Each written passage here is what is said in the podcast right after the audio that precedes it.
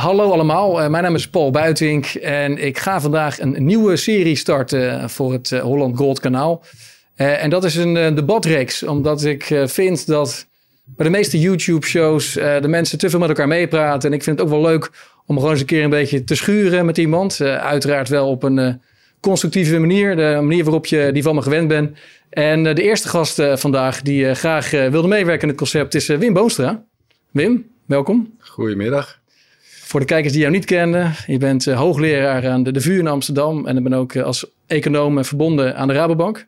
Al heel erg lang, meer dan 30 jaar. Ja, voorheen was je daar de baas, maar nu ben je gewoon lekker een, een, een vrije man daar die zijn eigen onderzoek kan doen. Dus dat moet heel erg uh, fijn voelen voor je. Helemaal bevrijd van managementtaken. Ja. ja, helemaal fijn. Hey, wij, wij hebben elkaar een paar keer gesproken in het verleden, onder meer een, een paar keer bij Café Weltschmerz. Het is nu alweer enige tijd geleden dat we tegen elkaar hebben, tegenover elkaar hebben gezeten. Eh, heel fijn eh, dat jij eh, met mij wil zitten om, om eens lekker diep en, en, en, kritisch te praten over het financiële systeem en de toekomst daarvan.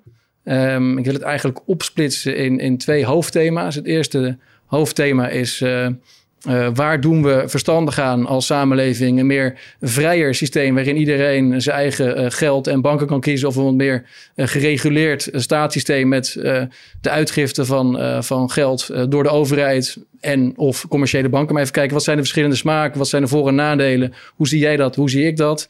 Um, en dan het tweede deel praten over de huidige opzet met de euro. En of dat de beste oplossing is voor Nederland. Of dat er of misschien toch moet worden gekeken naar een alternatief. Um, ik heb ook het boek bij me van je. Het, een van de laatste boeken die je hebt geschreven. Je hebt het ook in het Engels geschreven, maar ik heb hier de, de Nederlandse versie Geld. Wat is het? Wat doet het? Waar komt het vandaan? Een erg interessant boek. We gaan er ook drie weggeven aan kijkers, uh, zoals jullie van ons gewend zijn. De drie leukste comments krijgen een, een boek geschreven door Wim Boonstra. Echt een aanrader. Goed overzicht van wat er allemaal speelt. ook allerlei moderne ontwikkelingen worden meegenomen. Dus dat gaan we vast nog wel af en toe gebruiken in referenties vandaag. Eh, maar laten we beginnen met, ehm, met eh, geld, eh, hoe het kan werken, de verschillende smaken. Ehm, kun je me uitleggen ehm, waarom we niet gewoon naar een vrij systeem zouden moeten gaan. Waarbij iedereen, zoals Hayek dat ooit voorstelde, gewoon lekker zijn eigen geld kan kiezen. Net als dat we ook onze eigen cornflakes kunnen kiezen in de supermarkt. Dus vrijheid en dat dan de beste geldsoorten wereldwijd gaan, gaan overleven. Wat is daar mis mee? Nou ja, kijk, eh, qua idee spreekt het er wel aan. Alleen moet je wel realiseren, dat is de wereld waar we vandaan komen. Want eh, als je teruggaat tot in de 19e eeuw, al het papiergeld, bankbiljetten, werden door private banken gemaakt. En in Nederland was het alleen DNB, die toen nog een private bank was. Uh, omdat andere banken het wat met niet zo interessant vonden. De meeste geld werd toch met, uh, transacties gingen met muntgeld en grote transacties gingen per cheque. Maar de Nederlandse bank is pas in 1952 formeel de enige uitgever van guldensbiljetten geworden en is nu onderdeel van het eurosysteem. In de 19e eeuw werden in Engeland eh, waren er meer dan 160 banken tegelijk actief die allemaal hun eigen pondbiljetjes drukten. Uh, in Schotland gebeurt het nog steeds. Inmiddels is het monetaire folklore, maar als jij op vakantie gaat in Schotland, dan uh, zul je zien dat je daar pondbiljetten krijgt, als jij contant betaalt, uitgegeven door de Clydesdale Bank. Ja. Of door de, de Bank of Scotland, dat is dan, maar ook de Royal Bank of Scotland, dat is een commerciële bank. Hè, dus dat, uh, die wereld die bestond. Uh, in de praktijk bleek dat er dan nogal wat banken waren die toch minder sterk waren dan de andere. Dus op een gegeven moment kreeg in Engeland, wat dan de mooiste, het mooiste voorbeeld is, waar ik ook het beste in zit, kreeg dan één bank een speciale functie. Tweede, dat was de Bank of England. Dat was namelijk de grootste bank. Die was in Londen gevestigd. En die begon steun te geven aan andere banken. Dat werd de lender of last resort operations, de, de, de, liquiditeitshulp, zal ik maar zeggen. En dat heeft zich vervolgens weer doorontwikkeld naar uh, het stelsel zoals we nu hebben, waarbij dus de centrale banken uh, formeel een rol hebben. Maar de centrale banken zoals wij die nu kennen, uh, dat is dus eigenlijk een relatief recent fenomeen. Geldschepping is vanaf meet af altijd een privaat iets geweest. Ook toen muntgeld, zilver en, en goud gingen Jij kon je zilver omsmelten tot baren om ze op een andere plek in andere munten te laten omslaan. Of je kon je goud meenemen om er goud van te laten, om er munten van te laten maken. het aanbod, het, was weliswaar de munt die de munten bepaalde en waar de overheid dan wat geld aan verdiende, maar de geldaanbod, dat was allemaal privaat. En ja, die wereld zijn we dus naartoe gegroeid. Maar er is één ding wat, wat, wat daarbij van belang is. Kijk, centrale banken hebben dus van een hele bijzondere positie. En samen met de overheid kan een centrale bank oneindig lang doorgaan met, uh, met geld in omloop brengen. Zeker als het geld ook nog eens een keer wettig betaalmiddel is. Dus je moet het accepteren. En dat kan uit de hand lopen. En meestal gaat het goed. Laten we dus niet, geen, niet met paniekverhalen komen. Hè, want Hayek, hè, waar jij refereert, ik ben een groot liefhebber van Hayek. Maar de man drukte zich af en toe heel krachtig uit. En hij heeft ooit de stelling neergelegd van geschiedenis. Dat is gewoon een verhaal van overheden die inflatie creëren. Ja. Nou, dat is wat sterk eh, uitgedrukt. Maar wat hij daar, waar hij erop wees is dat iedere hyperinflatie in de geschiedenis iedere hyper, dat zijn er gelukkig niet veel, dat zijn er verrassend weinig. Maar als ze er zijn, zijn ze vernietigend. Is altijd begonnen met een centrale bank en overheid die in tandem veel te veel geld in omloop brachten. Dat was het verhaal in Duitsland. Dat was het verhaal lang geleden al in China. Nog voordat wij papiergeld hadden, was het in China alweer verboden. Uh, vanwege de hyperinflatie was opgetreden. Het is in Perzië gebeurd. Uh, recentelijk, uh, Zimbabwe was een dramatische hyperinflatie. Ja, een misdadig regime en een centrale bank die gewoon de geldpers aanzet. Hè, dus met die achtergrond zeg van oké, breng het terug naar de private banken. En ik moet dus ook altijd wel een beetje lachen, want er zijn dus ook mensen die heel kritisch zijn op het huidige systeem. Die zeggen van, je moet juist alles centraal neerzetten. dat, dat hoor ik mensen bij Sustainable Finance Lab willen zeggen. Zo, en dan zeggen ze zoals het vroeger was. En dan denk ik van, nou, jij kent je monetaire geschiedenis niet, jongeman. Want zo was het vroeger dus niet. Nee, maar vroeger waren er allerlei verschillende soorten systemen in omloop. Privaat, uh, publiek, publiek-privaat. Um, en ik hoor je dus zeggen dat... Uh, centrale banken ontstonden eigenlijk om, om ervoor te zorgen uh, dat banken op die manier uh, konden worden um, geholpen met elkaar door te kleren, door te settelen en door bepaalde bankruns wellicht te voorkomen. Dat zorgde voor een efficiënter of, of, of effectievere werking. Um, maar we hebben ehm, natuurlijk nu eh, heel veel andere technologie dat we vroeger niet hadden. Dus zou je naar een soort van uh, eh, 19e eeuw uh, situatie weer kunnen gaan met heel veel verschillende banken. Die dan op basis van moderne technologie wel zouden kunnen functioneren zonder centrale bank? kijk, technisch kan het. Dat, dat het verhaal van Hayek over ja, de denationalization of money. is natuurlijk in de jaren 70 en toen kon het gewoon niet. Dus eigenlijk ging de man een beetje tussen twee tijdperken in wat dat betreft. Uh, een van de nadelen was natuurlijk uh, op het moment dat er, dat er twintig varianten bankbiljetten circuleren. Dan uh, wordt opeens uh, een valse munterij ook een stuk makkelijker gemaakt. Dat is één. Ten tweede, die dingen gaan ten opzichte van elkaar fluctueren. En dan moeten winkeliers bij ieder goed vijf prijzen hangen. En dan moeten ze ook nog eens een keer iedere dag moeten ze het corrigeren. Of een favoriete munt kiezen. Um, terwijl je nu natuurlijk technologie hebt. Hè. Ik begrijp dat er inmiddels een, een creditcard is. Waarop je zelf je saldo in crypto's kunt zetten. En op het moment dat jij met dat ding betaalt, dan wordt ter plekke worden jouw crypto's omgerekend naar de munt van de ontvanger. Um, hè, dus die technologie is er. Um, dus dat is, uh, wat dat betreft, is dat heel mooi. Of je daarmee ook meteen het hele geldstelsel daarmee moet gaan neerzetten, dan is toch wel de vraag, waar ik ook nog niet echt een antwoord op heb wat maakt het dan beter? Uh, ik denk eerlijk gezegd dat je toch na verloop van tijd zult zien dat er toch wel iets van monopolievorming tussen die, die private banken gaat komen. voor kleine banken kan het toch echt te duur zijn om het zelf te doen. Dus ja, die zullen zich op een van de grotere gaan richten. Dus na verloop van tijd kom je weer een beetje bij het punt waar je, waar je vandaan kwam. Maar ik ben zelf bijvoorbeeld een hele grote voorstander van lokaal geld. Uh, je hebt van die, van die lokale ruilkringen. In Amsterdam heb je dan een paar. Je hebt de Makkie, je hebt de Noppes. In totaal zijn er 150 in Nederland. Wereldwijd zijn er duizenden. En die sterven allemaal in, in uh, amateurisme. Dat is echt uh, uh, een beetje jammer. Omdat ze nou, juist voor mensen die niet goed zijn aangesloten op de reële economie. Bijvoorbeeld omdat ze arbeidsongeschikt zijn. Of omdat ze werkloos zijn. Niet aan de bak komen. Die mensen kunnen allemaal natuurlijk best nog wat. En op het moment dat je dat kunt faciliteren. En je gooit daar blockchain technologie overheen. Dat je opeens daar een dan kun je volgens mij lokaal hele mooie dingen maken. daar geloof ik eigenlijk meer in dan dat we nou naar een stelsel toe moeten waar iedere grote bank hetzelfde gaat doen. Omdat je uiteindelijk op dat grote systeem toch ook wel heel. Je hebt echt toezicht nodig. Ja. en dat toezicht is niet alleen of de banken de juiste dingen doen, maar ook of het systeem niet wordt misbruikt voor allerhande transacties die gewoon niet mogen. Ja, en voor, voordat de centrale banken uh, waren, waren banken dus een eigen budget aan het uitgeven en had je heel veel uh, um, private uh, geldcreatie, wellicht ook in, in eigen munt eenheden of eigen unit of account? Of, dat, of waren het, was het vaak wel gewoon de dollar of de, de, de gulden?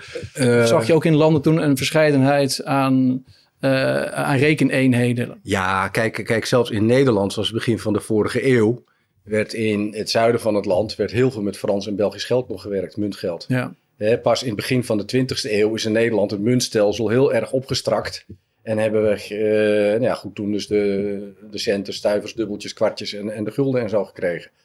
Uh, voor die tijd was het echt een beetje wat er, uh, wat er zo, zo rondging. Um, in Engeland tijdens de Gouden Standaard, hè, we hebben altijd achterop Gouden Standaard, daar, daar hangt dan zo'n glans boven van dat was een mooie tijd. Ja, dat was het voor het grote bedrijfsleven. Maar de gemiddelde bewoner van Engeland in de, tijdens de industriële revolutie, die heeft zijn hele leven geen gouden munt gezien. En die werd betaald in lokaal geld, waardoor de werkgever een omloop werd gebracht, door een lokale bank een omloop werd gebracht. Waar in een straal van een paar honderd meter, een paar kilometer van je woonplaats uh, ja. verplichte winkelnering kon doen. Maar de wereldhandel floreerde in de, in, de, wereld, in de laatste decennia van de 19e eeuw en begin van de 20e eeuw. De, de gouden standaard was, de gouden was, standaard. Was, was, was, in feite de grote facilitator. Ja. Van, dat was eigenlijk de eerste globalisatie. Dat schrijf je ook in je boek. Uh, ja. en, wat dat betreft was het... Maar het zat er dus niet zozeer in het dagelijks gebruik van goud in geld. Want dat, dat gebeurde eigenlijk alleen maar bij grote transacties. Dus bij hele rijke mensen, grote bedrijven.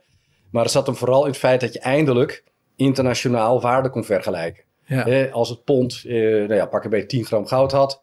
En de Duitse markt staat 5 gram goud. Dan wist je bij een internationale transactie, die verhouding is 1 op 2. Punt. Ja. En dat was, dat was de magie van de gouden standaard. Dat je opeens grensoverschrijdend kan handelen. Dat was ook de eerste periode waarin landen gingen investeren in andere landen. Hè, directe investeringen. Productiefaciliteiten in andere wereldgebieden neerzetten. Het was gewoon de eerste grote inter, ja, globaliseringsgolf. En daar speelde de gouden standaard een grote rol bij. Ja, dus, dus uh, toen was eigenlijk uh, goud de, uh, het, anker, of in zekere zin de rekeneenheid. Um, zou, zou je, om, om, om eigenlijk terug te gaan naar de, naar de hamvraag, zou je mensen nu ook wat meer in staat moeten stellen om hun eigen rekeneenheden te kiezen? Dus dat, of, of vind je dat nog steeds de overheid een belangrijke rol heeft om die rekeneenheid te definiëren en te reguleren? Nou ja, kijk, er, er, is natuurlijk ergens iets van een optimale omvang. En, dat, verandert in de tijd. Hè? Van Nederland was een guldengebied. Maar dat Nederland één monetaire unie was, is ook pas in de loop der eeuwen zo gegroeid. Hè? De, als, als je zo naar de, de Gouden Eeuw terugkijkt, of de 17e eeuw moet ik zeggen, dan, dan zie je dat er heel veel uh, verschillende plekken in Nederland waren waar munten werden geslagen. En soms hadden die ongeveer hetzelfde zilvergewicht. Hè? Het was veel ging zilver toen, maar ook lang niet altijd. Uh, en in de praktijk zag je dat die munten slijten in de loop der tijd. Dus, hè, en hoe makkelijker je waarde kunt zien, hoe makkelijker je ook ik, hè, transparante markt weet wat je koopt, wat je doet, wat je kunt verdienen als je iets, uh, iets, iets, ontvangt. Hè, dus op het moment dat, dat er heel veel verschillende uh, waardeverhoudingen binnen één economisch systeem komen, dan wordt het wel moeilijker en eenvoudiger om ermee te frauderen. Frauderen bedoel je? Nou ja, goed, als, als je weet dat, dat het stelsel niet transparant is, dan kun je natuurlijk al heel snel, als jij weet, mijn tegenpartij is minder goed geïnformeerd dan ik, daar kun je ja. natuurlijk misbruik van maken. Nou, dat zie je nu ook al een beetje misschien in, de, in het wilde westen van de crypto. En recent nog eh, de, de ondergang van Terra en Luna. Dat er uh, in een, in een zo'n vrije markt van muntjes ook een hoop dingen fout gaan. Maar het, het, de technologie stelt ons wel uh, makkelijker in staat om inderdaad um, zelf meerdere uh, munten aan te houden op je telefoon of, of binnen je eigen wallet. En op, op die manier dat je kan, mee kan doen met, met de handel uh, en, en je eigen geld kan kiezen. Dus die... Nou ja, kijk, kijk, A, dat is nog niet zo. Want met die crypto's kun je crypto's kopen, punt. Uh, winkels waar je met crypto's kunt betalen, die zijn er bijna niet. En sowieso is er bijna geen transactie. Er is een tijd geleden in NRC hebben ze in Nederland onderzocht. Er zijn 200 bedrijven ongeveer die zeggen wij accepteren bitcoin. En als we er dan langs gaan, hoeveel klanten heb je nou gezien? Er waren er een paar bij die zeiden: Ja, ik geloof dat ik vorig jaar eens een keer een klant heb gezien die een Bitcoin wilde betalen. Ja, maar goed, dat, dat, ik, ik weet wat je bedoelt. In het Arnhem heb je allerlei winkels die het, uh, die het accepteren, maar die er geen transacties mee hebben. Maar op zich maakt dat ook niet zoveel uit. Hè? Dat, dat, het, komt, het komt en gaat. We hebben van die golfbewegingen bij ja, maar, allerlei partijen nou, zeggen dat ze het accepteren. Zoals Tesla recent nog. Maar Tesla, kijk, Tesla is het enige bedrijf dat een tijdje Bitcoin heeft geaccepteerd. Maar er zaten hele smerige addertjes onder het gras. Uh, daar heb ik vorig jaar nog een stuk over geschreven. Uh, en een van, je hebt, in, je hebt in de Verenigde Staten heb je een, een wetgeving, de zogeheten Lemon-wetgeving. Als jij iets koopt... Ja, mag je terugsturen als het niet... Uh... Mag je terugsturen binnen een bepaalde termijn tegen bepaalde voorwaarden. En goed, Bitcoin, Tesla accepteerde Bitcoin. Jij kocht een Tesla. Als jij dan na twee maanden of, of drie maanden ja, dit is toch niet de auto die ik zoek. En goed, het wordt gehonoreerd. Ik ken die wet, details natuurlijk niet. Het zal niet zijn dat je kan zeggen, ja, ik wil hem een andere kleur hebben of zo. Ja. je moet wel echt argumenten hebben. En dan bracht je hem terug.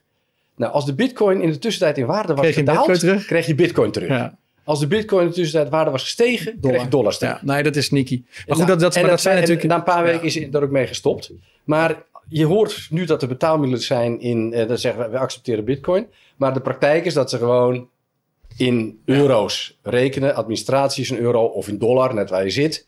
En dat, oké, jij kunt jouw bitcoin omwisselen in, uh, in gereguleerd fiat geld. Maar goed, dat zijn, dat zijn, dat zijn die beginjaren natuurlijk. Daar kan van alles nog, nog groeien. Nou ja, is, maar, in, in opkomst zo'n ecosysteem. Dat is natuurlijk niet, niet, niet voor niets. Kijk, kijk, de bitcoin is heel groot. De meeste crypto's, uh, laat ik mij vertellen door mensen die er veel meer verstand van hebben dan ik, is pure fraude. Uh, we hebben nu iets van 20.000 crypto's. Heel veel rommel dus, helemaal ja, eens. Ja. Iets van 20.000 crypto's. Nou, volgens mij hebben we iets van 250 landen in de wereld. Dat wilde zeggen dat we uh, honderden crypto's per land hebben uh, bij benadering. Dat, dat is natuurlijk allemaal niet levensvatbaar. En de verhalen zijn heel woest. Hè? En, en dat, dat vind ik altijd zo, zo lastig. Uh, kijk, bijvoorbeeld die, die die er zo is ingestort. Ja, een stablecoin aanbieden. En dan het verhaal erbij. En dan het verhaal erbij dat, dat het ding een hoog rendement kan hebben. Dat is per definitie niet waar. Nee. Ja, een rendement is, is, een, is, een, is een beloning voor het nemen van risico. Nee, maar laten we even één stap terug gaan. Als je gewoon de vraag, um, is, is het um, juist ethisch, filosofisch gezien dat mensen uh, hun, hun, verschillende uh, munteenheden zelf kunnen kiezen? Of, of heeft de, de, overheid, kijk, dat de overheid misschien uh, een plaats heeft om te reguleren, om die scams te voorkomen, daar kunnen we apart over, over spreken. Maar moet de overheid ook de eenheid uh, zelf definiëren. We zien natuurlijk Montenegro gebruikt euro. In Ecuador gebruiken ze de dollar. Wij gebruiken als Nederland natuurlijk ook een munt die we niet zelf uitgeven zoals we dat vroeger deden. Dus er zijn al heel veel constructies nu uh, in de reguliere gangbare economie waarbij een land de controle is kwijtgeraakt over de uitgifte van, van een munt. Dus dat kun je natuurlijk doortrekken, die lijn van oké, okay, het voorbeeld van El Salvador is natuurlijk een bekende. El Salvador heeft nu ook bitcoin ge geaccepteerd. Dat, dat gaat nog helemaal niet goed misschien op heel veel verschillende verschillende fronten. Maar het idee dat ehm, landen of gewoon mensen zelf een abonnement kunnen afsluiten feitelijk... of lid kunnen worden of klant kunnen worden van een monetair netwerk... Uh, zonder dat ze daarbij de overheidsmunt gebruiken. Ben je daar filosofisch gezien mee eens dat dat uh, een waarde heeft en misschien in de toekomst nog wel eens veel groter kan worden? Kijk, kijk het, het, probleem vind ik van als, als jij even heel abstract bekijkt. Uh, we kiezen met z'n allen een overheid hè, in een democratie. En die overheid heeft twee grote, heeft, heeft, meerdere manieren om, uh, om het land vooruit te helpen, om beleid te voeren. Uh, en twee hele grote uh, leverage is de begrotingsbeleid. Hè, dus wat doen ze met de overheidsuitgaven, de belastingen en, en dat soort dingen. En het monetaire beleid. Hè, het reguleren van de monetaire omstandigheden, dat die uiteindelijk het beste aansluiten bij de, bij de economische groei. Doen ze dat te weinig geld, dan krijg je, kom je in een deflatie terecht, in een deflator klimaat. Hè. Daarom is, als alle landen bitcoin gaan gebruiken, is het heel snel afgelopen. Want die lopen allemaal gierend vast in de deflatie, omdat er te weinig bitcoin zijn. Uh, mark my words. Uh, als je te veel aan ombro brengt, dan kun je inflatie krijgen. En als je er veel en veel en veel te veel... Maar het is wel een hele belangrijke poot. Uh, op het moment dat je zegt van, we laten dat hele monetaire stuk, laten we weg. Dan is het veel moeilijker om fatsoenlijk economisch beleid te voeren. En ten tweede, je weet niet meer wat er in het financiële stuk gebeurt. en want dat is een van de, van de problemen met sowieso ook het contante systeem. Het is niet alleen dat, dat die crypto's daarin een beetje rare smaak hebben. maar er, er is een wereld waarin dingen worden gedaan die jij en ik niet willen. En dan heb je het over mensenhandel, je hebt het over drugshandel, wapenhandel, weet ik wat er allemaal gebeurt. En ja, weet je, voor een deel gaat dat in dat circuit. En, en, dat is, en dan wordt gezegd van ja, dat, dat valt wel mee. Je zegt nou, dat valt niet mee. Als jij in de krant leest, er is weer eens een keer een ziekenhuis gehackt. De hackers vragen altijd te worden betaald in bitcoin. Ja, maar je Want kan- als ze zouden zeggen van dit is mijn bankrekening bij ING of bij de Rabobank, dan staat de politie binnen 10 minuten op de stoep. Maar dan zou je nog steeds kunnen stellen als overheid. Weet je, wij, eh, wij staan binnen onze landgrenzen het gebruik van bepaalde munten toe. Mits die voldoen aan, aan deze, aan deze eh, regels ten aanzien van transparantie of, of KYC. Eh, daar kunnen we een discussie over hebben natuurlijk of we daar niet in zijn doorgeslagen. Of die FATF-regels ten aanzien van het, eh, het bekendmaken van eh, gegevens van de ontvanger en de zender, noem maar op, of daar niet zijn doorgeslagen. Eh, maar je zou natuurlijk als overheid daar regels aan kunnen verbinden. Dus ze zeggen, nou, je kan deze eh, munten gebruiken omdat dit eh, door ons goedgekeurde munten zijn. Maar we hoeven zelf niet per se die munt uit te geven. Wij, ten aanzien van begrotingsbeleid, halen wij gewoon belasting op. En met de belasting betalen wij onze uitgaven.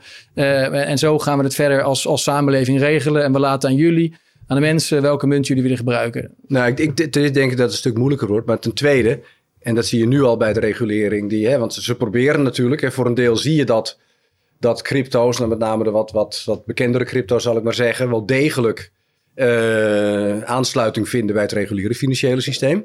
Hè, er zijn inmiddels banken die crypto's eh, accepteren als onderpand voor gewone leningen. En daar hebben ze op zichzelf best een slimme constructie voor bedacht.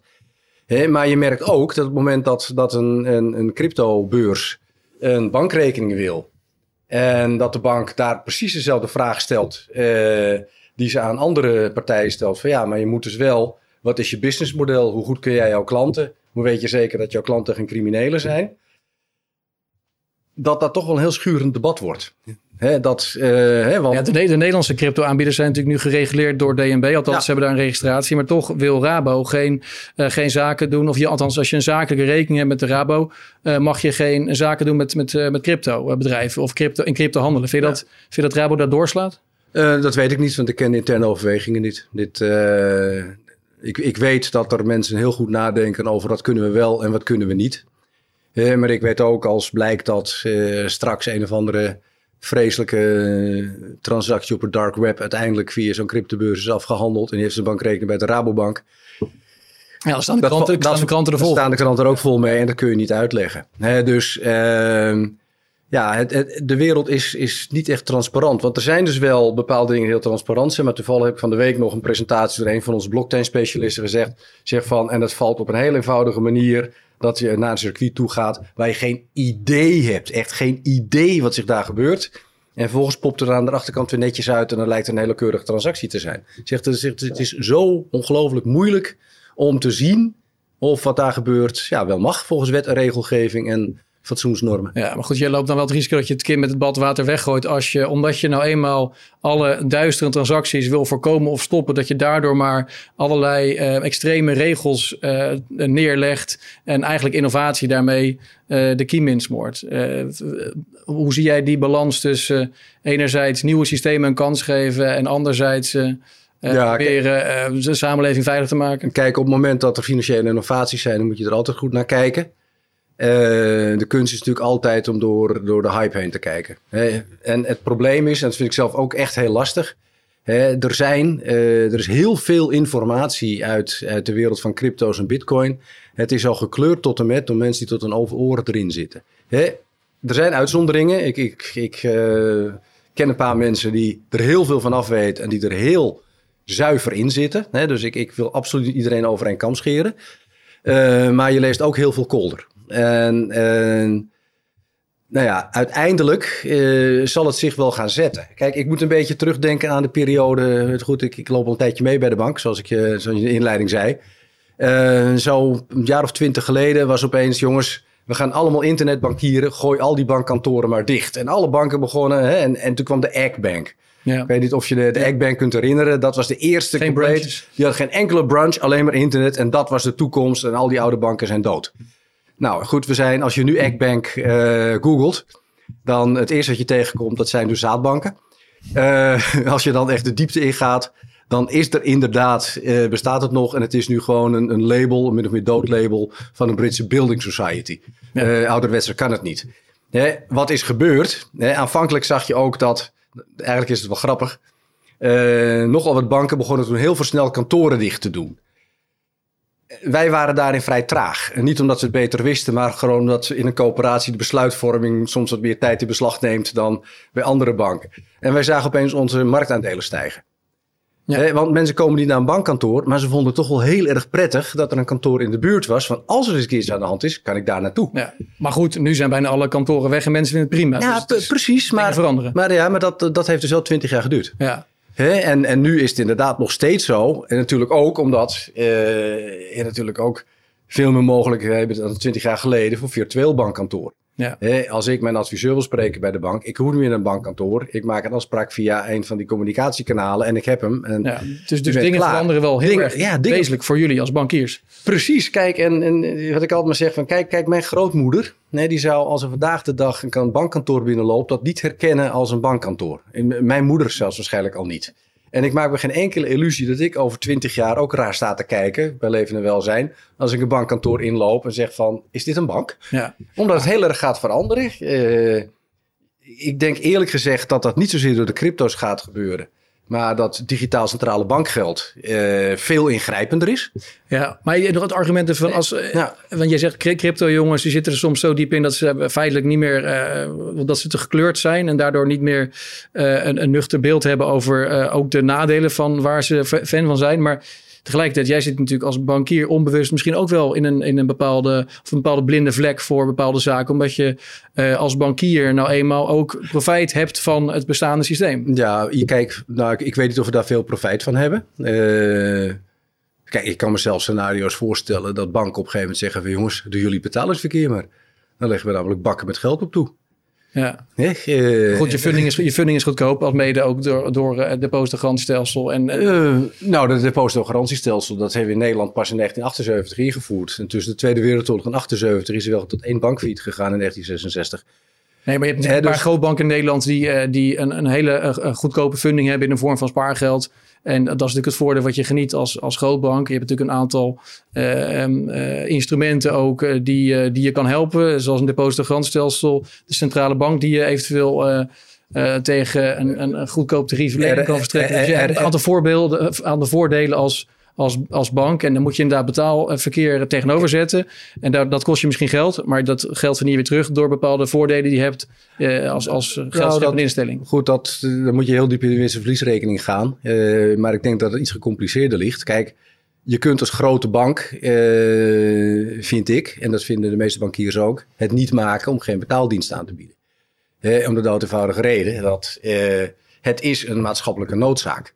Eh, In Nederland heeft iedere Nederlander heeft een bankrekening of kan er een krijgen. Eh, zelfs als banken je liever niet als klant hebben, dan kunnen ze je altijd nog een soort uitgekleed betaalproduct geven om je in ieder geval te laten meedoen. Zonder bankrekening kun je bijna niet meedoen. Dat geldt niet voor bedrijven. economie. Er zijn best wel bedrijven en stichtingen en verenigingen die de afgelopen jaren toch geen rekening hebben kunnen krijgen. Ja, nou, dat, dat, en ik zie ook, maar dat zie ik niet alleen bij banken, dat zie ik ook bij andere bedrijven, dat ook goede doelen het bijvoorbeeld heel moeilijk hebben. En dat vind je een slechte ontwikkeling? Dat vind ik zeer slecht. Ja, Ja. dat vind ik heel slecht. Dus iedereen, ook bedrijven... iedereen, hè, zouden- het, het is onderdeel van, in, een- in een moderne economie moet je mee kunnen doen met het gerale systeem. En als je dat, eh, ehm, en er ligt ook echt een convenant waarin is uitgesproken dat dat zo is. Hè, dus ja, als- jurisprudentie over, hè, dat je ook als, als bank een, een zakelijke rekening niet kunt weigeren. niet zomaar, ja, soms kan het wel. Ja, maar de echt, echt, echt Maar, ja, precies. Echt uitzonderlijke situatie. Maar soms kan het wel. Als het echt om, om echt hele eh, nou ja, duistere zaken gaat, zou ik maar zeggen. Ehm, en dan, kun je het, dan moet je dus gewoon doen. Het is een maatschappelijke functie. Punt. Eh, maar stel nou dat je straks in de wereld zit waarin naast banken ook fintechs en ook betaaljongens. Hè, er zijn nu al van die betaaldiensten. Hè, goed, we gebruiken ze allemaal als we eh, via internet onze dingen doen. Die straks ook allemaal betaaldiensten kunnen gaan aanbieden, rekeningen kunnen gaan aanbieden. Nou, ik kan me een scenario voorstellen dat er in zo'n context ook wel banken zijn die zeggen van nou prima, in dat geval is onze toegevoegde waarde eh, niet meer zo nodig. Eh, en alles wikkend. Ik zeg niet dat we gaan doen, hè. Dit, Ja. is, dit is gewoon even Ja. een... eh, kijk, er zijn nu al kleinere banken die het gedaan hebben. Ik ken een bank in Nederland, die had betaaldienst. Die is ermee gestopt. Welke? Ik ga geen naam noemen. Want ik heb het jaarverslag niet terug de- kunnen vinden. Dus ik... eh, Maar ik neem aan dat het op publieke informatie is dan, toch? Als, eh, het heeft in de krant gestaan, maar ik heb het, ik heb het Oké, toen ook echt in hun jaarcijfers, in de jaarverslagen willen terugzoeken. En daar heb ik het niet gevonden. nee. En dan kan ik dus niet mijn hand voor het vuur steken. Maar op zich de gedachtenlijn, die herkende ik wel. Die bank zegt, ja goed, dat is voor ons te duur. Ja, Dus wij geven wel kredieten. Maar als je dan bij onze krediet afsluit, zeggen we, nou geef maar waar, ja. eh, waar je rekening loopt. Dan maakt het geld naar over. En dat was het zakenmodel, het businessmodel vroeger van de spaarbanken. Hè? De- Ja. de- tegenwoordig zitten die allemaal bij bij SNS. Hè? Dus, dus, ja, Maar je ziet aan de balans van SNS nog steeds die voorgeschiedenis. En daar heb je tegenwoordig ook betaalrekeningen en zo. Ja. Maar die, die oude spaarbanken hadden dat vroeger Nee, ook niet. Dat waren secundaire banken. en- Die konden dus ook geen geld creëren. En wat, wat in een kritische geldkringen een grote bron van zorg is, eh, is een ontwikkeling in, in Canada. eh, toen we daar de demonstraties hadden eh, van de truckers, dat er, geld, dat er bankrekeningen werden bevroren omdat ze toevallig geld hadden overgemaakt via een crowdfunding richting die truckers. Eh, em, dat was ook een wet en regelgeving die Trudeau er toen doorheen heeft gedrukt. Wat vind je daar als, als bankier van, als mens? Nou ja, kijk, ik vind dat te ver gaan. Maar goed, het is mijn persoonlijke Ja. mening. Hè. Kijk, ik, eh, ik Ik ben blij dat je het zegt, want dan zitten we daar Ja. op één lijn. Nee, kijk, ik, ik, ik ben een liberaal. Eh, dat wil niet zeggen dat ik anti-overheid ben. Ik, ik, denk, ik geloof heel erg in een, in een sterke overheid. Wat ook niet wil zeggen dat die groot moet zijn. Ik bedoel, wat dat betreft is Hayek in veel opzichten toch iemand waar ik heel veel van heb geleerd op dat gebied. Ik ben, ben een fan van, van Hayek. Die was ook niet anti-overheid. Die wilde ook een sterke, maar niet onnodig grote overheid. Ja. En met name waar het gaat om wet en regelgeving en fatsoen en zo, heeft de overheid een functie te vervullen. Maar dit gaat wel heel ver. En een van de dingen waar ik bijvoorbeeld in Nederland zelf heel erg van geschrokken ben, eh, die toeslagenaffaire, wie is er niet van geschrokken, die in Nederland aanmerkelijk meer schade en blijvende ellende heeft veroorzaakt dan die grote financiële crisis waar we toen met z'n allen zo kapot van waren. En een van de dingen die ik het, het meest schokkend vind, is dat de burger nergens zijn recht kon halen omdat de Raad van State, en eh, goed, ik ben geen jurist, eh, ik ben, ben slechts een econoom. Maar de indruk die ik heb als puntje bij paaltje komt, is de rechtspraak in Nederland dus niet onafhankelijk. Ja, dat is schokkend, maar... eh, En, dat, en dat, Ja. is, dat is vreselijk schokkend. Hè, dus ik, ik ben heel erg van, van terughoudend. Hè, en en als, als ik een politieke activist wil, eh, eh, wil financieren. Die eh, binnen de kaders van de wet met compleet andere standpunten komt. dan is dat mijn goed recht. Vind ik. Ja, nou helemaal eens. Hè, Kijk, iets anders is, hè, je hebt misschien ook wel partijen die eh, worden gefinancierd door buitenlandse eh, overheden. Om hier in dit land bepaalde dingen, eh, nou ja, Terreur of... terreur of gewoon onrust. En dan denk ik, oké, ik hou van transparantie. Ik vind dat iedere politieke partij, ook de grote, precies moet laten zien, jongens, eens. en wie betaalt jou? Ja. Daar zitten we ook op dezelfde lijn. En, maar eh, begrijp je dan wel de wereldwijde... en dan met, met, name natuurlijk in, in landen waar eh, er, er sprake is van, van een dictatoriaal bewind... maar ook in steeds meer westerse landen... dat er wel een behoefte ontstaat bij mensen... om eh, een vorm van geld te hebben... wat niet eh, zo makkelijk kan worden bevroren... door een, een overheid of, of anderszins. Zie je, wel, zie je daar wel... eh, de, de, de, begrijp je de, de noodzaak daarvoor... of de wens die mensen hebben? Kijk, kijk weet je, het, eh, als ik in Zimbabwe had gewoond in 2008, waar ik geluk, wat gelukkig niet het geval was. Ja, weet je, dan heb je lokaal geld waar je niks mee kan. Hè? In, in het boek staat ook een, een afbeelding van het, dat prachtige bankbiljet van 100 trillion dollars. Ja, Ja, dat, dat, dat, dat is een megabedrag. Ik denk dat je niet eens een half brood eh, van kon betalen. Hè? een symbool voor veel bitcoiners. Eh, ja, het, eh, ik, ik, ik gebruik het. eh, Dat boek is al wat, wat ouder. Ik, ik gebruik het. Ik heb er ook eentje van thuis. Ja, ik ook. Eh, gekocht voor een paar eh, euro in zo'n zo'n winkeltje. Ehm, weet je, en dan zoeken mensen alternatieven. En die alternatieven waren in, in 2008, was, toen de bitcoin was, toen, nog- was nog toen niet aanwezig. Eh, was hier wel geweest. Dan was men massaal en massief in bitcoins gegaan. Eh, nu heeft men de Zuid-Afrikaanse rand, Britse ponden, Chinese renminbi, Amerikaanse dollars. Op een gegeven moment hadden ze 13 geldsoorten door elkaar lopen daar Ja, zolang je maar niet in je lokale geld hoeft eh, te zitten. Eh, in de Duitse hyperinflatie was geld ook compleet waardeloos. Dat heeft niet alleen de economie compleet kapot gemaakt, maar het heeft de hele samenleving kapot gemaakt. ja. De hele middenstand was weg. En weet je wat in die tijd de best betaalde mensen waren? Boeren. De ambtenaren van het ministerie van Financiën, want die kregen de helft van de salaris in aardappelen betaald. Ja? En het was wanhoop, puur wanhoop. En dus, dus ja, in zo'n context, tuurlijk wil je dan het officiële geld niet hebben. Eh, en het, het is altijd een vergelijking, maar eerlijk gezegd denk ik dat wij in Europa eh, een zeer goed werkend betaalsysteem hebben. Met een, zeer, met een munt die weliswaar nog wat, wat sterker kan worden, maar eh, die heel goed werk doet en die ons in Nederland bakken met geld heeft opgelegd. Nou, daar gaan we het zo zeker nog even over hebben. Gaan we doen. Maar wat ik nog wel wil begrijpen is, uh, met name de, jong, de jongere generatie, die groeit op in, in een tijdperk waarin alles verbonden is. Ze hebben vriendjes wereldwijd, spelen ze computerspelletjes, zitten in, in um, uh, metaverses. Uh, ze, ze doen alles online, kunnen elkaar direct berichtjes sturen. Dus kun, je, kun jij een, een, een jongen van 20 uitleggen waarom die een, zijn vriendje in Zuid-Korea niet instant kan betalen met, een, met, een, met een, een, een, internetmunt, maar nog steeds gebruik moet maken van een, een, een euro of, of, of een won in het geval van. Uh, nou ja, kijk, kijk als, jij, als jij die euro uh, in de fractie van een seconde kan oversturen, is er niks aan de hand. Kijk, dat, dat correspondent banking gebeuren, dus die internationale betalingen, die lopen over heel veel schijven. Uh, en en dat, dat is een van de nou ja, laat ik het beleefd zeggen, niet meest ontwikkelde delen van het, uh, bankwezen. voor een deel heeft het te maken met het feit dat systemen van land verschillen, jurisprudenties per land verschillen, tijdzones verschillen, wet en regel. Dus er zijn wel wat, uh, wel wat uh, verzachte omstandigheden, maar de praktijk is, en, en dat is voor sommige landen, een land als Bangladesh is enorm afhankelijk van de inkomsten van transfers van mensen. Die uh, in het buitenland werken en hun familie in Bangladesh onderhouden. En als dat geld dan weken onderweg is, of in ieder geval dagen onderweg is, uh, de kosten op voorhand niet duidelijk zijn en sowieso te hoog zijn. Um, en met een beetje pech krijg je het nog niet eens op je eigen bankrekening, maar krijg je het via de omweg van de centrale bank en je krijgt het in, uh, in laagwaardig geld uitbetaald. Uh, dan hebben die mensen groot gelijk dat ze op zoek gaan naar alternatieven. Ja. en je noemde net El Salvador. Nou, ik, ik heb er vrij goed naar gekeken. Uh, in heel veel opzichten vind ik het vrij waanzinnig wat daar gebeurt. Maar er is één ding waarin ze natuurlijk gelijk hebben. Hè? Want er zijn wonen ongeveer een miljoen Salvadoranen in de VS. Ja, die betalen een hele hoge fees om dat geld over te maken. Naar als, die, als die gewoon hun dollars in Florida omzet in bitcoin via het Lightning-netwerk naar El Salvador sturen. En de ontvanger zet het direct terug naar dollars dan, um, nou goed, de inschatting van de regering. En dat is natuurlijk een erg enthousiaste regering. Dus je moet een beetje slag op de arm houden. Maar ze verwachten eigenlijk dat ze dat op jaarbasis gewoon 200 miljoen dollar per jaar aan kostenbesparing gaat opleveren.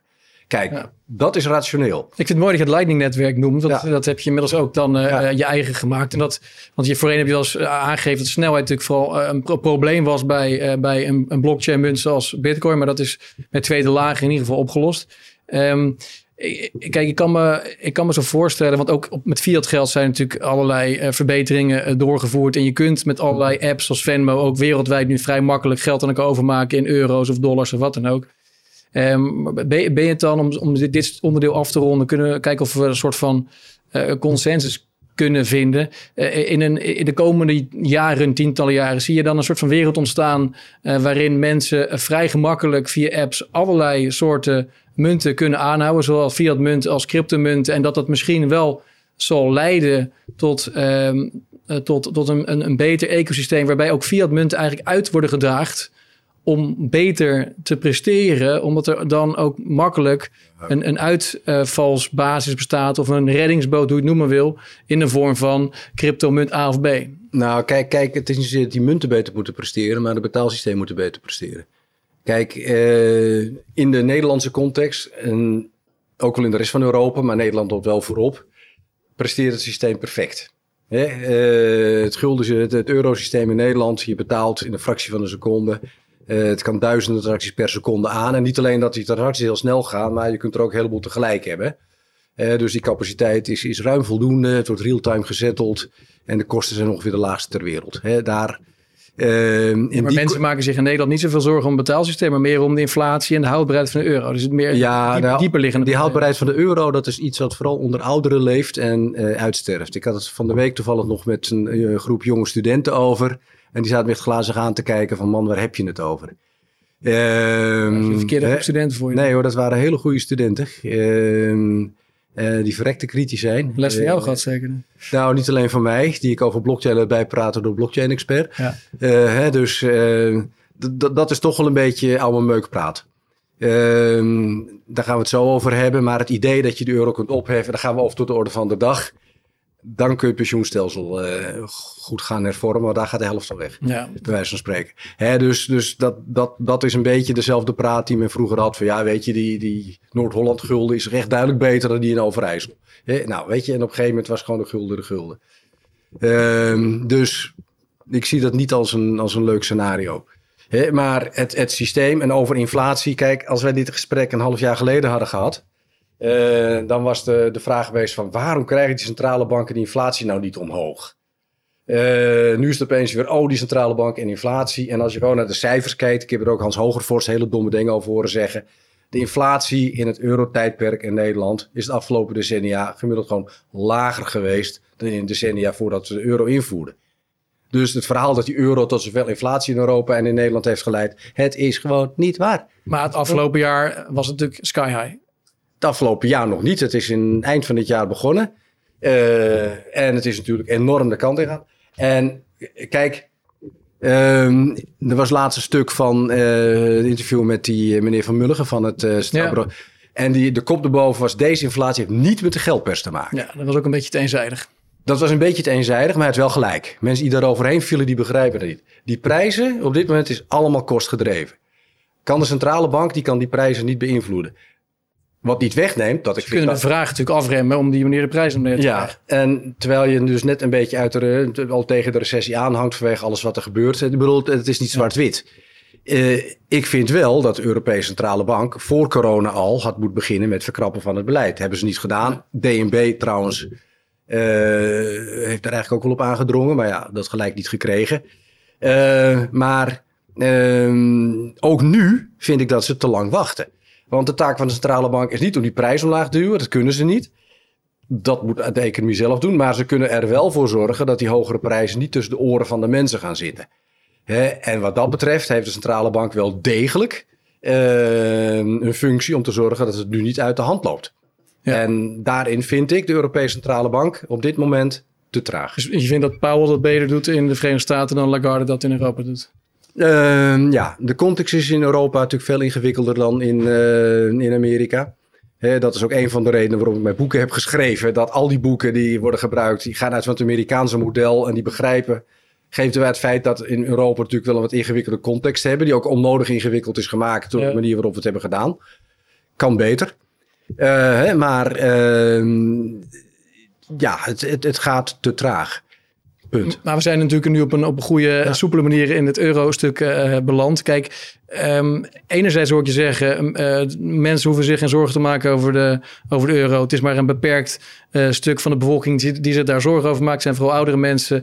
Eh, tegelijkertijd ehm, zien we in Europa dat de rente eigenlijk niet kan worden verhoogd, omdat we anders gelijk eh, de spreads zien, eh, zien oplopen eh, in, in Zuid-Europa. Als ze op, stoppen met opkopen in, in, in Frankfurt, dan zien we daar directe gevolgen van in Zuid-Europa. En dan, gaat, dan laait de eurocrisis mogelijk weer op. Daar wordt er door heel veel mensen over gesproken. Veel economen schrijven dat ook. Dus dat staat een beetje haaks op jouw verhaal, dat de eurocrisis eigenlijk niet meer terug gaat komen en we ons geen zorgen hoeven te maken over de euro. Kijk, een belangrijke trigger voor die eurocrisis was natuurlijk Griekenland.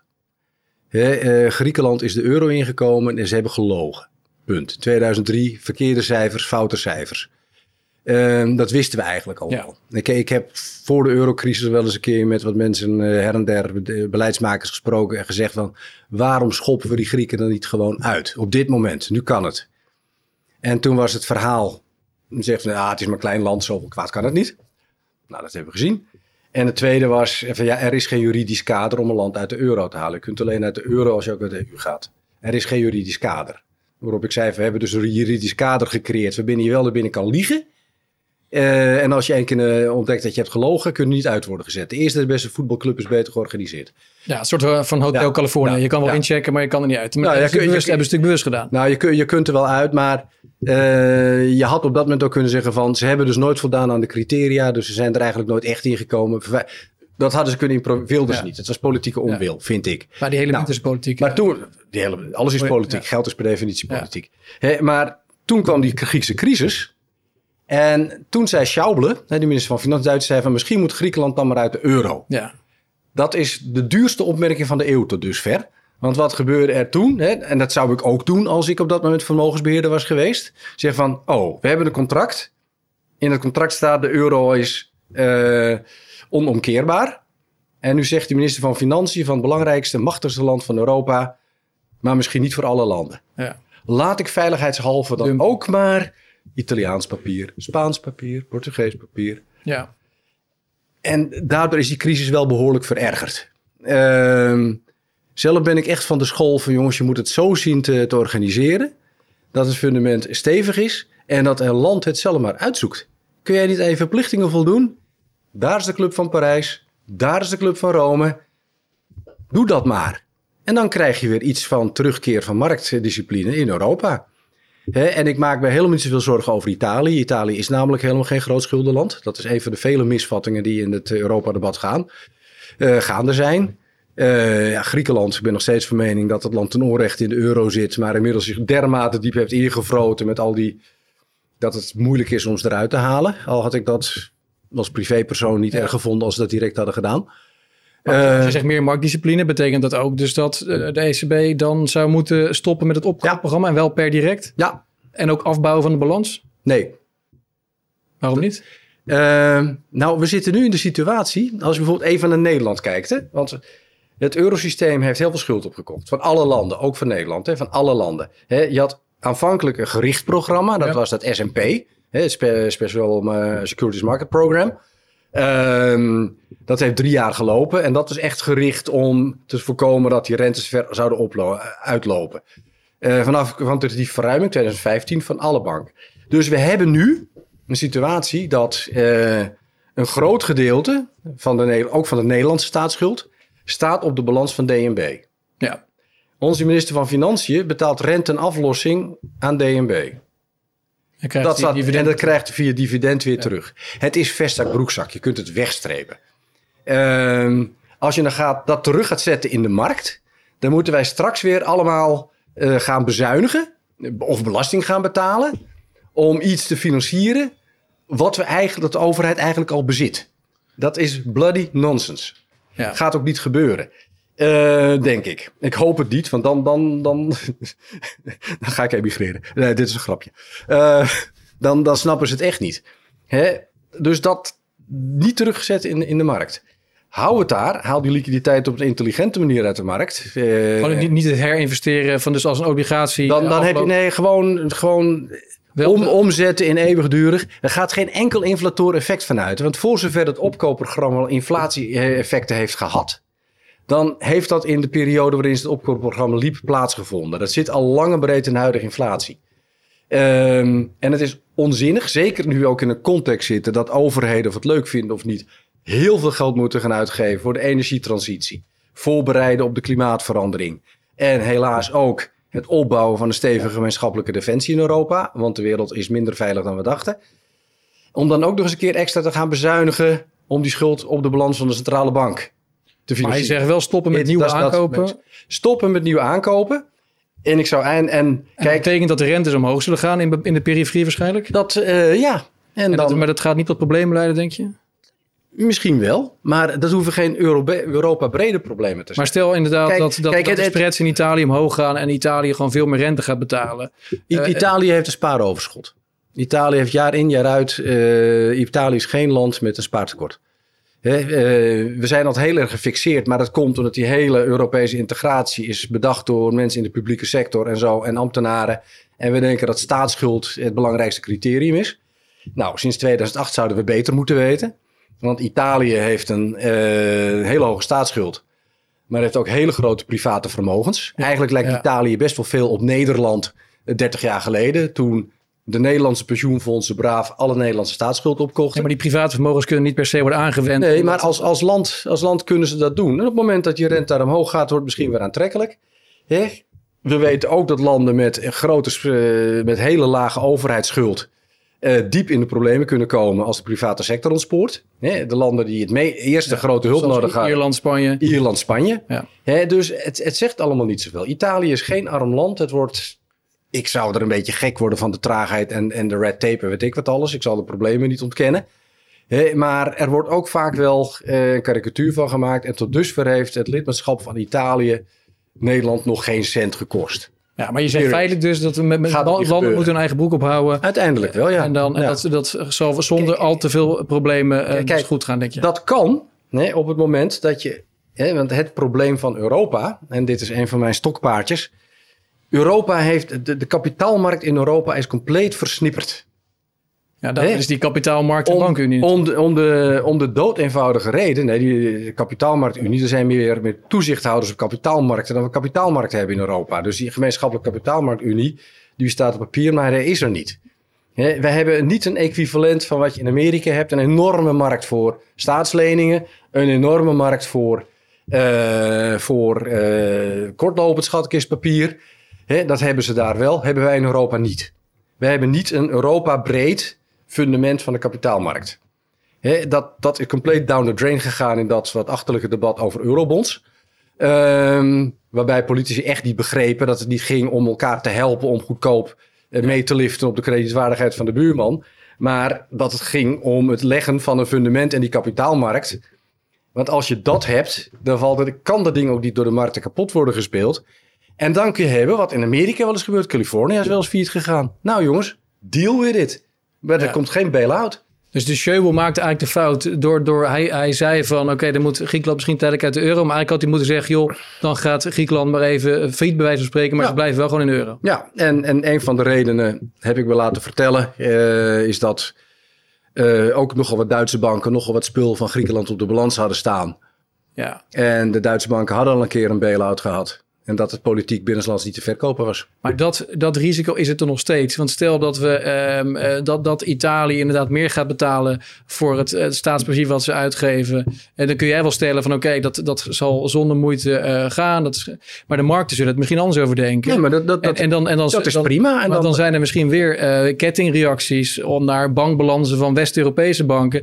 En dat risico willen de, willen de overheden waarschijnlijk niet lopen. Nee, maar de, alsnog ingrijpen. Nee, maar kijk. En dan gaat de centrale bank weer opkomen. Kijk, op het moment hè, dat duidelijk is. En, en dat de, de, geloofwaardigheid is natuurlijk het probleem. Hoe geloofwaardig kan de centrale bank dat zegt. Maar als het duidelijk wordt, de centrale bank mag geen bail-out meer doen van een lidstaat. Dan zal iedere financier in Europa direct zeggen van dat risico moeten we inprijzen. Ja.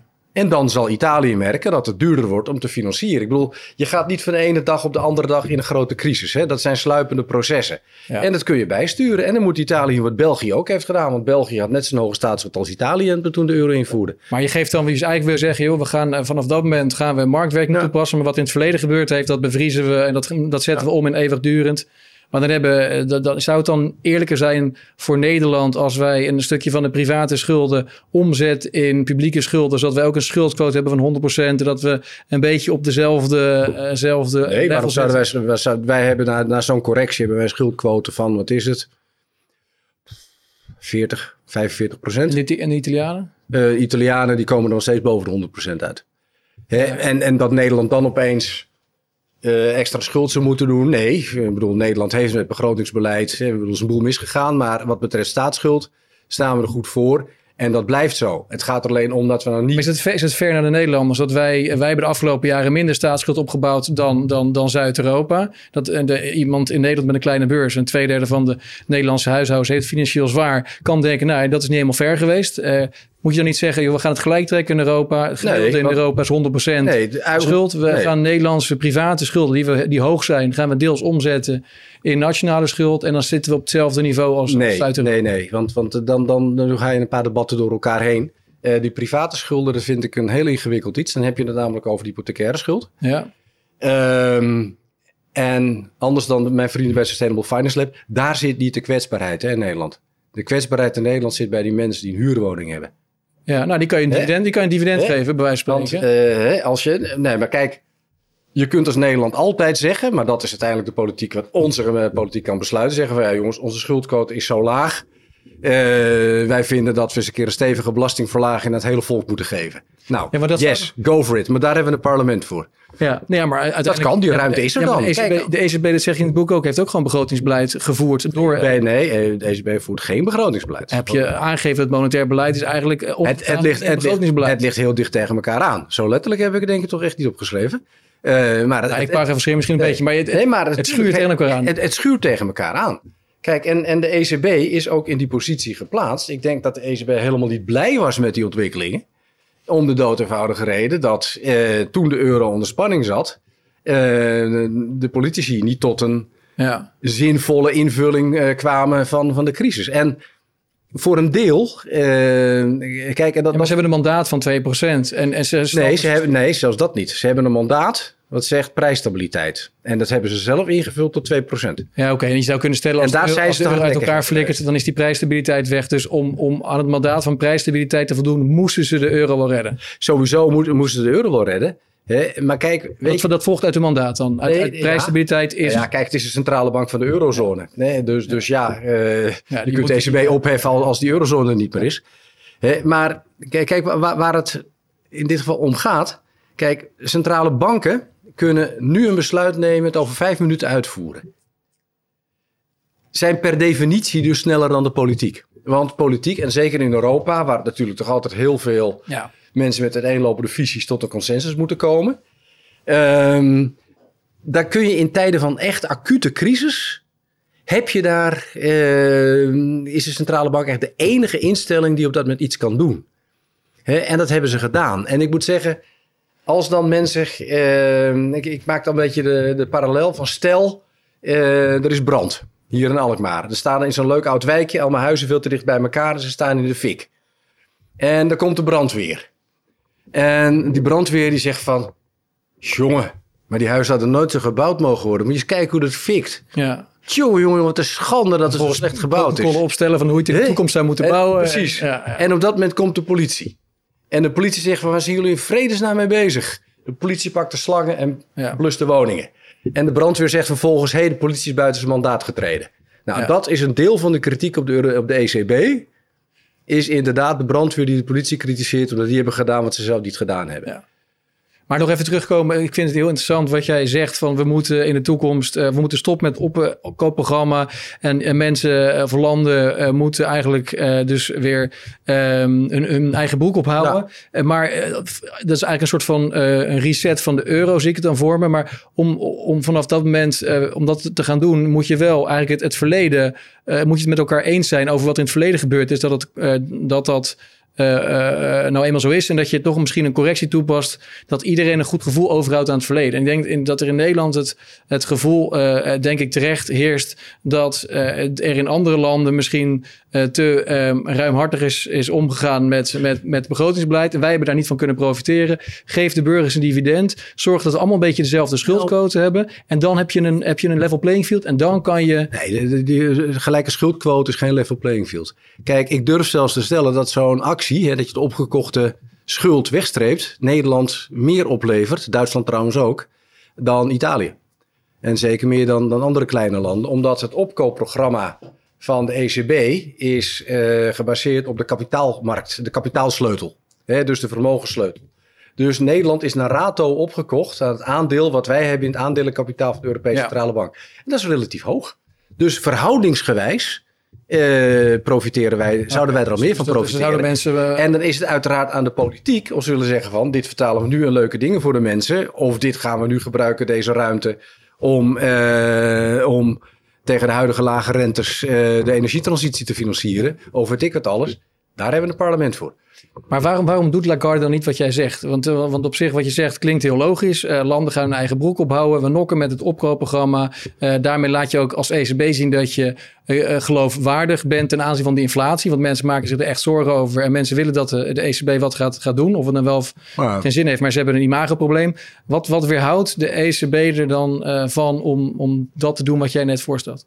Ja, ik kan niet het hoofd van uh, mevrouw Lagarde kijken. maar wat is je, wat is je, insta wat ik, ik, ik, heb het, ik, kijk, ik heb het gevoel dat mevrouw Lagarde uh, meer qua insteek meer een politica is dan een centrale bankier kijk, Wim Duisenberg was ook een politicus, maar toen hij een keer uh, in het bankiersvak zat, was het echt een centrale bankier die ook lang ervaring had als president van de centrale bank voordat hij naar de ECB ging. Hij heeft straks trouwens bij de Rabobank geleerd, hè, van nota.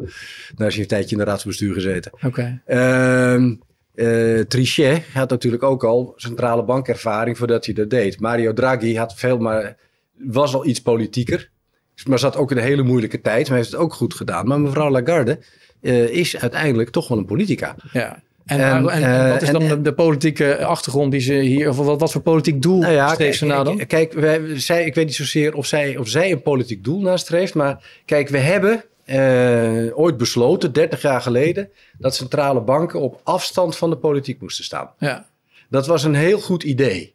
Want voor die tijd, en iedereen is het een beetje vergeten, maar ook in Italië, maar ook in Engeland. Hè, Engeland was, was failliet midden jaren 70, is iedereen ook een beetje vergeten. Uh, was het altijd vrij los begrotingsbeleid, begrotingstekort aan de hoge kant. We werden voor een deel gefinancierd met monetaire financiering, oftewel de centrale bank die geld aanmaakte. Inflatie was hoog, vaak een beetje volatiel. En eigenlijk altijd easy way out. dus, dus slap politiek beleid en de centrale bank die puntje bepaald kwam gewoon opdracht kon krijgen van koop die zooi op. Um, Nieuw-Zeeland was het eerste land, de, de, de Bundesbank was natuurlijk altijd al een buitenbeentje. Maar Nieuw-Zeeland is het eerste land wat dat heel erg formeel heeft gedaan. Dat had ook een slechte track record met economisch beleid, tot aan eind van de jaren tachtig zelfs.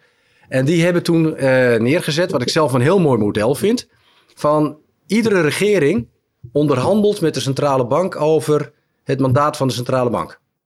Dat gebeurt in volle openheid. Dus niks achter, niks achter gesloten deurtjes. En daar kwam dan uit van de centrale bank streept de prijsstabiliteit. En de prijsstabiliteit wordt nu ingevuld op een inflatie van 2%. Het is ook wel eens een keer geweest, inflatie tussen de 1 en de 3. Hè, dus iets meer fleur. Maar in openheid, in een democratie, tussen parlement, regering en de centrale bank. Vind ik zelf heel mooi. Zo hoort het in de democratie, vind ik. Ja. Vanaf dat moment is de centrale bank compleet vrij in het handelen. Dus de regering kan niet zeggen van nu moet je dit, nu moet je dat. Dan kan de president dat doen. Als hij zijn, als hij zijn target niet haalt, kan hij worden ontslagen. Ja.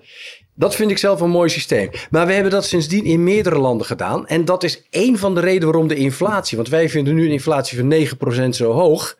Nou, in de jaren 70 was hij hoger. En ja, en, en ja dat, dat werd als een soort natuurverschijnsel gezien. Ja. Uh, hè? Inflatie en inflatieverwachtingen en zijn enorm gedaald. En dat heeft alles te maken met het feit dat centrale banken niet meer onder de dagelijkse aansturing van de politiek staan. En het gevoel wat ik heb, maar meer dan een gevoel is het niet. Hè. Nogmaals, ik kan niet in het hoofd van mevrouw Lagarde kijken. Maar ik denk dat zij eigenlijk te dicht bij de politiek staat om als onafhankelijke centrale bankier over te komen. Misschien doe ik haar tekort. Maar de politiek wil dus graag dat ze, en met name de politiek in Frankrijk bijvoorbeeld of Italië wil graag dat ze dus doorgaan met het opkopen van die leningen. Omdat zij waarschijnlijk nou, denken van... Daar gaat ze nu wel mee stoppen. Maar, maar kijk, weet je, één ding vergeten we. Wie is de grote winnaar van inflatie? Wie verdient het meest aan inflatie?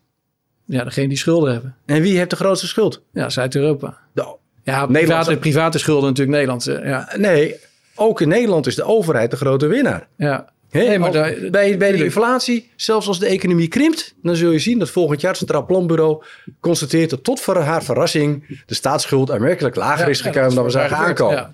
Hè? Dus wat dat betreft is het juist zo goed dat de afstand tussen Maar de de gewone overheid... burger, de gewone burger, met name degene, de, de, de, de pensionado's, die lijden het meest. En, de, en dat, dat, gaat, dat gaat zich wreken in de samenleving op een gegeven moment. Als er niet snel een kentering eh, plaatsvindt in die inflatie, dan krijgen we natuurlijk straks eh, een vol Nou ja, maniveld. kijk, en een van de mooie dingen is straks de rentes gaan stijgen, dan gaan, stijgt de rekenrente en opeens gaan pensioenfondsen indexeren. Mark my words. Ja, nou, dat is Eh, en kijk, ik wil het niet bagatelliseren, maar plaats het even in, eh, in perspectief.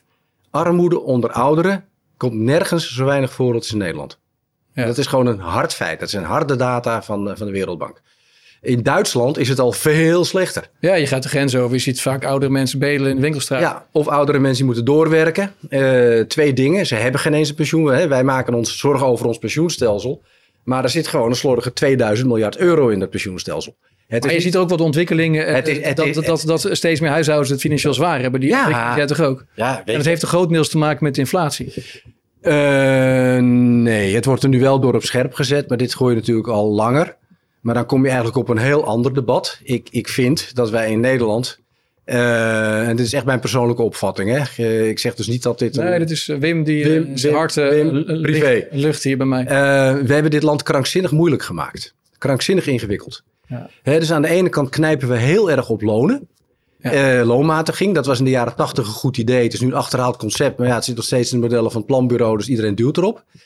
Eh, En als je nou eens een samenleving probeert in te denken waar je bij een minimuminkomen redelijk kunt rondkomen. Waarbij je met modaal inkomen comfortabel kan leven. Dan heb je al die toeslagen, heffingskortingen, subsidietjes, leuke dingen Het is voor een geheel geworden. is allemaal niet nodig. Nee. Kun je duizenden mensen die werken in de collectieve sector en vooral bezig zijn om andere mensen het leven zuur te maken, kun je in de arbeidsmarkt zetten, kunnen ze beter werk gaan doen en het land wordt een stuk eenvoudiger. Ja, nog een punt waar het over eens zijn. Nee, dus eh, verhoog het minimumloon en dan niet met een dubbeltje per jaar, maar gewoon gooi er een paar euro overheen. Belastingen En verlagen. belastingen, met name eerste inkomensschijf, fors verlagen, maar schaf al die ellendige dingen af. Eens. Hey, net, net gaf je aan dat je wel eh gecharmeerd was van een model waarbij je eh, als overheid de centrale bank een heel duidelijke eh, target afspreekt. En, maar ook de centrale bankier ontslaat als het niet haalt. Ja. Lagarde, moet ze ontslagen worden, ja of nee? Nou ja, in het huidige context, wat ik daarvan vind, is niet zo relevant. Jawel, vind ik Want het net nee, er is namelijk geen enkel juridisch kader waarin dat kan. Maar als het Want als, als, als het zo zou zijn, vraag, als het zo zou zijn, nou ja, dan, dan zou ze misschien ook al ander hebben gedra- anders hebben gedragen. Ik weet het niet. Ja. Hè, maar ik, de verkeerde, eh, verkeerde prikkels. hè, kijk, eh, ik heb mij laten vertellen door wat, wat, wat mensen die wat in de financiële markten zitten, zeggen van, als hij dan straks een prachtige baan als minister van Financiën onder Macron krijgt aangeboden, dan gaat een menig financiële instelling de vlag uit. Ja. En dat zou zomaar kunnen. Maar goed, nogmaals, eh, uiteindelijk weet ik natuurlijk niet wat haar echt drijft. En misschien is ze wel heel oprecht bezig met te denken dat ze het goede doet. Eh, ik weet het wel heel lang bezig zijn. Ik, eigenlijk wil ik ook nog met je praten over de digitale euro. Maar goed, eh, want daar ben je kritisch over, dat weet ik. Ehm, Oh nee, dat, dat wordt hartstikke mooi. In Nederland heeft je toegevoegde waarde, maar dat gaat het landschap veranderen. Zo, ja, maar je- al die crypto's zijn niet meer nodig. Maar je bent wel kritisch over de, macht die de overheid dan krijgt. Ehm, Is dat zei in het voorgesprek.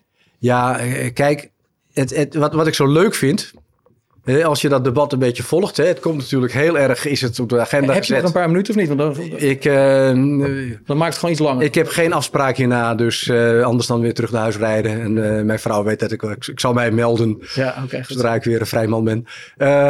Hè, kijk, het is heel erg neergezet vanuit aanvang initiatief ons geld. Centrale banken vonden het absoluut niet noodzakelijk. Als je de eerste reacties leest, ook van stukken van de BIS, ook het jaarverslag van DNB, zeggen van de nadelen zijn groter dan de voordelen. We hebben hier geen positieve grondhouding. Oftewel, zak erin. Er zijn twee dingen gebeurd. In Nederland was het rapport van de WRR 2019, waar ik overigens zelf niet zo'n heel sterk rapport vond. Met name het slothoofdstuk waarin ze hierover begonnen bleek dat ze zich daar toch niet echt in verdiept hadden. Maar wat veel belangrijker is, in 2019 kwam Facebook met de Libra. Ja, dat, dat was de wake-up call voor eh, dat was de eerste stablecoin die echt goed in elkaar zat op papier. op papier. Hé, maar als Facebook dat technisch voor elkaar had gekregen en had gedaan wat ze beloofden, hè, dat zijn een paar hele belangrijke randvoorwaarden, dan was dat in no time een systeemrelevant ding geworden. En daarvan zijn centrale banken zich rot geschrokken. En toen zijn ze gaan werken. Hè. Dus als nu met argumenten komen, cash gaat verdwijnen, denk je van, no way, cash verdwijnt helemaal niet. De hoeveelheid bankweert in omloop groeit gewoon, ook in Nederland.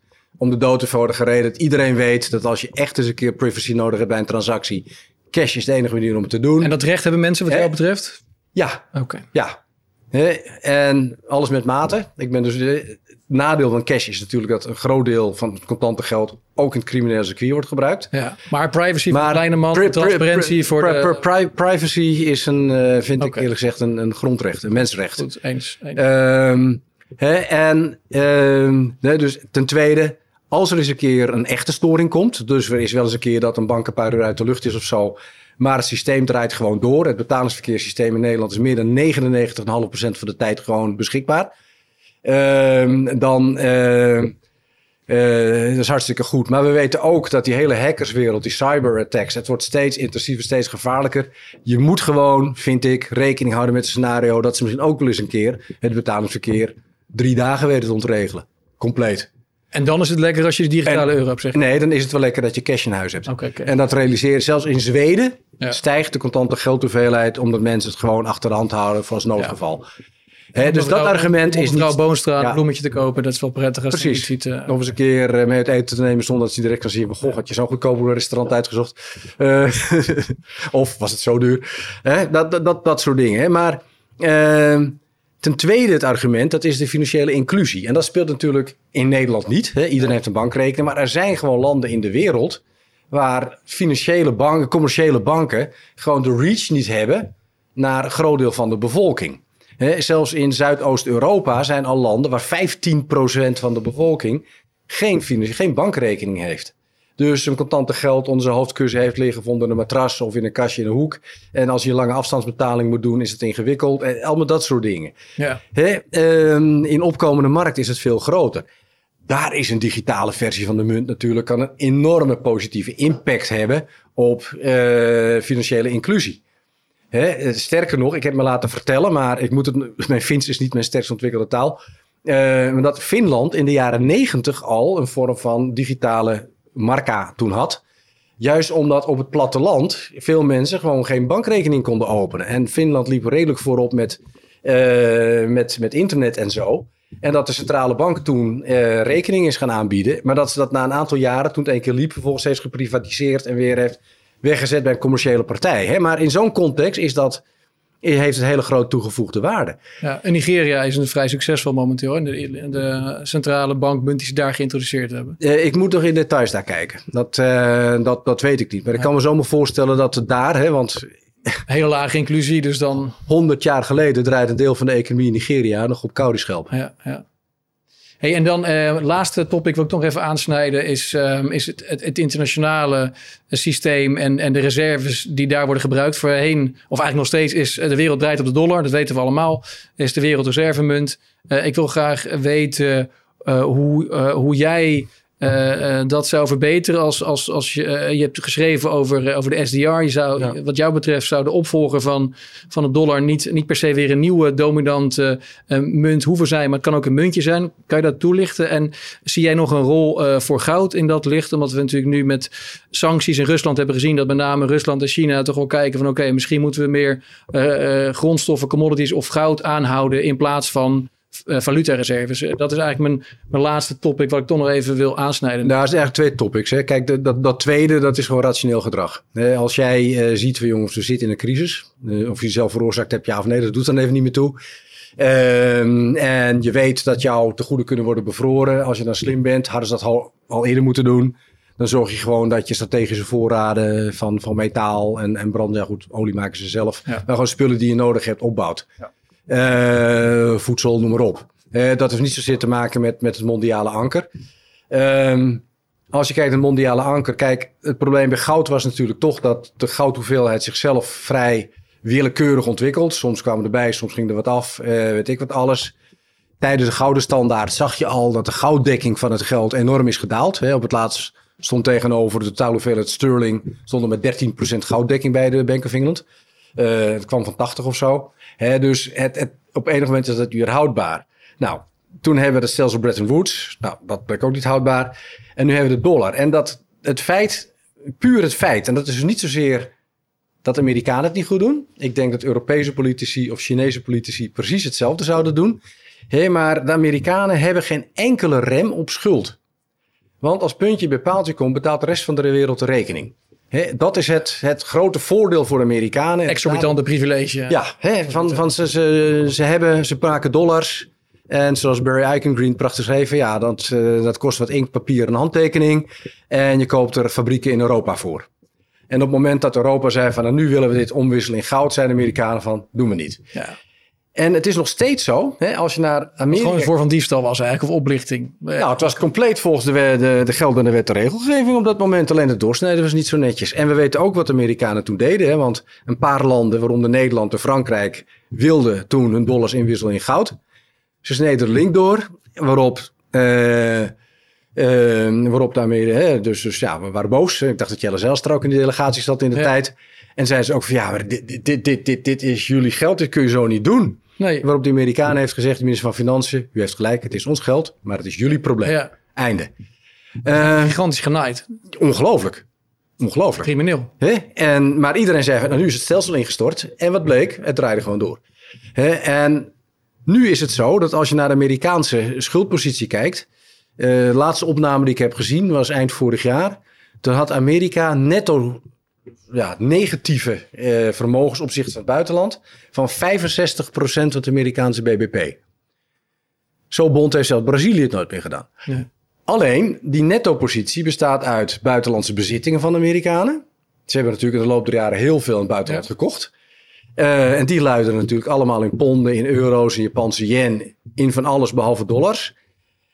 En in de schulden die ze hebben. En die schulden zijn nog vele malen groter, maar die luiden allemaal in dollars. Ja. Dus als de dollar zakt in waarde, dan zakt de schuld vrolijk mee met de Amerikaanse BBP. Who cares? De buitenlandse bezittingen van de Amerikanen in dollars gemeten stijgen en de Amerikaanse schuldpositie is weg. Uh, punt. Dat is het ene, hè? Als, als een land als Brazilië een grote buitenlandse schuld opbouwt, dan is dat altijd in buitenlands geld. Als dan jouw munt daalt, dan wordt jouw schuld een molensteen en je gaat failliet. Hè? Argentinië doet het eens in de tien jaar ongeveer. Uh, zo. Hè? Maar voor Amerika niet. Nee. Dat is een voordeel, wat ze natuurlijk zelf heel goed doorhebben. En waardoor ze die dollar heel graag in die positie willen houden. Maar het heeft ook een nadeel. Want omdat die dollar dan toch uiteindelijk wel wordt gezien als de ultieme veilige haven. Als zolang je maar bewust bent van het wisselkoersrisico.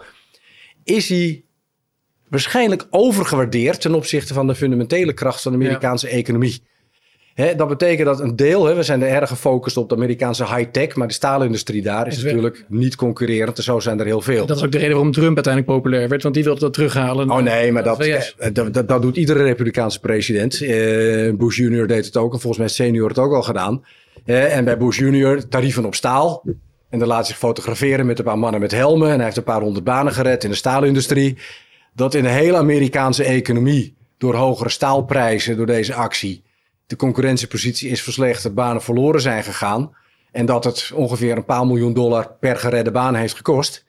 Daar hoor je niemand over. Het gaat voor het plaatje bij de verkiezingscampagne. Hè? Bij onze president redt banen. Nou, dat doet hij dus niet. Hij vernietigt ze. Maar leg de mensen maar eens uit dat er op macro een heel ander verhaal speelt dan het mooie microplaatje. Hè? Dat, dat is altijd het probleem. Kijk, en zou er nou naar een situatie gaan dat de euro eh, dat, dat, dat, eh, de rol van de dollar zou overnemen? Dan gaat hetzelfde in Europa Dan gebeuren. gaat precies hetzelfde hier gebeuren. Maar hier nog eens een keer waarschijnlijk met grotere verschillen. Want de euro is minder dan Amerika een, een goed valutagebied. Ja. Omdat het allemaal nog zo versnipperd is. Ja. Concurrentieposities binnen de eurozone lopen heel ver uiteen. Nou, stel nou dat de euro zo'n massieve munt wordt. En die zou gaan appreciëren. Dan zullen we zien dat in de randen van Europa, de zwakkere landen, direct een heel groot probleem met de concurrentieposities zullen optreden. Maar los van het feit dat het mondiale stelsel nee, inherent instabiel is. Als beleidsmakers van één land moeten kiezen tussen dit is onze internationale verantwoordelijkheid en dit is wat mijn kiezers Dat is Triffin's eh, paradox. en dan gaan ze altijd naar, naar Triffin's paradox was dat de dollar uiteindelijk zichzelf zou uithollen omdat er moeten meer dollars komen. Dat kan door Amerika schulden te laten opbouwen, maar uiteindelijk zullen die schulden de kracht van de dollar ondermijnen. Maar dit dilemma, bij- wat ik bedoel, wat, wat, dat is dat als jij beleidsmaker bent, je bent minister, je bent president Ja. van de Verenigde Staten of de topman van Europa. Je kan niet beide doelen halen. Je hebt, Nee. En waar zitten jouw kiezers? Binnenlands. Dus uiteindelijk, is het dus, dus, Dus niet, moet- niet houdbare strategie om Nee. de wereldreservemunt te zijn. Kijk, en dan zeg ik nog wel, liever de dollar, of zelfs liever de euro, dan de renminbi natuurlijk. Ja. Eh, hè? Maar op het moment dat je gewoon zegt van jongens, we hebben een valutamond, die bestaat al, de SDR, hij bestaat al. Ja. Ehm, dat zou de ultieme mondiale stablecoin kunnen zijn. Nog steeds wel afhankelijk natuurlijk van de onderliggende wisselkoersen. Dus Ja, maar wat je dan krijgt, als, hè, dan, je, het is net als met de EQ. De EQ was ook een, een gewogen gemiddelde van de waarde van de deelnemende valuta. Dat was een krankzinnig succes, hè? Dat, dat een beetje vergeten. Maar voor, eh, toen de EQ werd ingevoerd, 1979, er heeft zich in, in direct een private EQ-markt ontwikkeld. Die was heel groot. De EQ was de vijfde munt ter wereld, voordat hij uiteindelijk in aanloop naar de euro geleidelijk aan eh, in de euro is opgegaan. Het was een hele belangrijke valutamunt die het grote voordeel had. Er was een gewogen gemiddelde van Franse franken, eh, Duitse marken, Nederlandse guldens, liris, peseta's, zelfs Britse pond zat erin. En als belegger kon je daar iets hebben met een redelijk rendement. Een vrij relatief stabiel wisselkoers was een prachtig product. Op het moment dat je dat met SDR ook kunt doen, dat je zo'n anker neerzet waar de rest dan als het ware omheen hangt. En maken de Amerikanen een zootje van. Ja, dan zal hun gewicht in, in de SDR wat kleiner worden, van de Europa worden wat groter. Dan gaat er zeker disciplinerende werking van uit. En de landen daaromheen kunnen kiezen van waar koppelen wij onze munt aan vast. Dus zijn er binnen die IMF uh, veel mensen die dit graag zouden willen, denk je? Um, in, nou, de, in de VS misschien niet. De Amerikanen zullen het blokkeren, punt. Maar ik hoorde dat uh, bijvoorbeeld uh, het Pentagon uh, eigenlijk ook heel graag af wil van de wereldreservemuntstatus van de dollar. Juist ook omdat heel veel industrie verdwenen is. En het Amerikaanse leger enorm afhankelijk is van China voor de productie. Ja. Niet alleen van, van maar vooral van chips en andere zaken die het leger nodig heeft. Dus, ik als, je daar een, als je daar een, paper over hebt, ja. een publicatie, dan hou ik me aanbevolen. Ik stuur dat door. lezen, ja. Want op zich is het een hele valide, een hele verstandige overweging. Ja. Dus, de, dus we zitten nu in een, in een multipolaire wereld met relatief gelijkwaardige economieën. Dus, uh, maar, dollar, nee, maar kijk maar. Dus wat jou betreft tijd voor een, voor een, een, een, Precies, een nieuw, op de, een nieuw anker. Kijk, het gewicht van de dollar in de financiële wereld is vele malen groter. Echt twee, drie keer zo groot als het gewicht van de Amerikanen. Als de Amerikaanse oh, economie okay, en de reële economie. He, toen de dollar werd ingevoerd als een anker, was heel West-Europa kapot. Japan was kapot. Laten we dat niet vergeten. Amerika had toen inderdaad een, een aandeel van 40% in die orde van grootte in de wereldeconomie. Er was geen enkel land dat ook maar in de buurt kwam. Dus dat is op zich een logische keuze. Maar inmiddels is China net zo groot. De eurozone is net zo groot. Het wisselt een beetje, maar in orde van grootte. Zo. En tegelijkertijd zie je dat de euro uh, een hele stagnerende internationale. Hè, hij wordt niet belangrijker dan die was bij de invoering. Nog steeds rond de 20% van de reserves wereldwijd. Rond de 20%. En dat heeft te maken met de slechte ontwikkeling van de Europese kapitaalmarkten. Daar ben ik heilig van overtuigd. En de centrale bank begint dat ook te zien. Uh, hè, dus dat, uh, dat is een politieke keuze. Hè? En deze status die de Amerikanen hebben, geeft ze een enorme macht. Hè? Want als jij 2018, toen gaf Donald Trump, hè, die kondigde sancties af tegen Iran.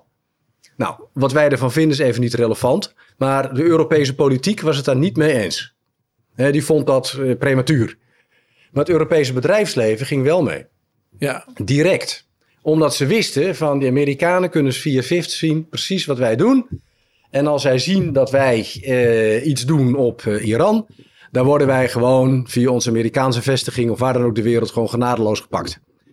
Punt. Dus de Europese politiek, hè, kan Europa wel zeggen van we willen strategische autonomie. Maar als puntje bij paaltje komt, ben je gewoon de onderknuppel van Amerika.